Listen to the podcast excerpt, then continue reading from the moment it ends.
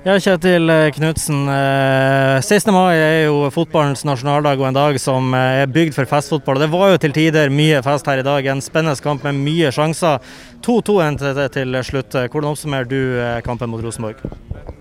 Nei, Jeg føler jo at uh, først og fremst at det er Bodø-Glimt-lag som eh, kollektivt eh, holder et høyere nivå enn det vi har gjort i de to foregående kampene. Det, det gjelder i presspillet vårt. Eh, det er flere enkeltspillere som står frem eh, og spiller opp mot sitt beste.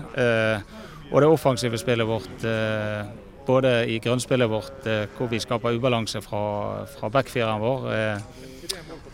og vi kommer til så mange muligheter at i dag har vi en veldig god prestasjon, og avstanden mellom lagene synes jeg blir større og større jo lenger kampen går. Eh, og så får ikke vi betalt nok i dag. Vi får eh, et 2-2-resultat. Eh, det er selvfølgelig skuffende, for vi fortjente så mye bedre. Men jeg gleder meg veldig over prestasjonen i dag. Så for å oppsummere, så er det ufortjent at ikke Glimt har med seg tre poeng etter i dag?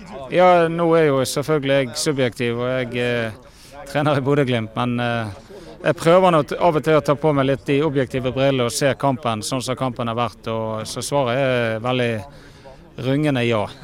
og En til ting jeg må ta med på det, som i hvert fall fra kommentatorplass eh, syns gjør det her ufortjent, er at vi ser tre straffesituasjoner der i hvert fall to av de ser ganske klare ut. Eh, din, hvordan så du det fra sidelinja, både med en hands i første omgang og Ulrik som blir revet ned i feltet i andre omgang?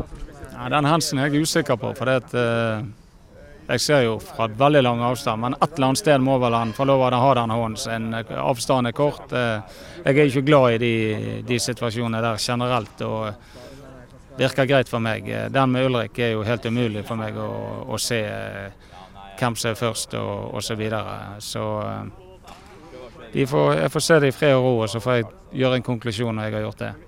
Du, det er jo selvfølgelig bare tall, det her, men det er jo noe som er verdt å ta med seg. For uh, du har jo bygd ei helt utrolig seiersrekke på uh, hjemmebane her på Aspmyra nå. Uh, jeg lurer på om det, her, om det var 17 seire på, på, rad på hjemmebane som, som brøyt nå. Og som jeg sa, det er jo bare tall, men det er jo litt kjipt at man mista den rekka. Ja, vi har jo vært et solid lag over tid. Eh, både hjemme og borte, og aller mest hjemme. Eh, og så er nå fotballen sånn at eh, den rekken stoppes en eller annen gang. Han skulle ikke stoppet i dag, men det gjorde han. Og så skal vi være stolt over at vi har de tallene som du henviser til. Og så får vi begynne å lage en ny rekke. Det er vel så. Ja, for, det, for det skal være oppfølgingsspørsmålet mitt. Det er planen nå å lage en ny rekke på minst like mange kamper? Ja, altså, jeg, jeg, ønsker at vi eh, skal være oss sjøl. Eh, det syns jeg vi, vi, var i dag. Eh, og det å tørre å gå ut og, og, å være Bodø-Glimt, det er noe kollektivt i det, men det er òg noe individuelt i det. Du må slippe deg løs. Du, må, du, du kan ikke gjemme deg vekk og håpe de andre ordner det. det. Vi har vært litt for mye av det. Og det at jeg får respons på det i dag, at det Eh, er flere spillere som melder seg på. Eh, da er det i hvert fall håp om at eh, vi kan se utvikling og fremgang, og da, da syns jeg ikke vi kan kreve så mye mer. Sånn, vi blir litt bortskjemt, så ærlige skal vi være.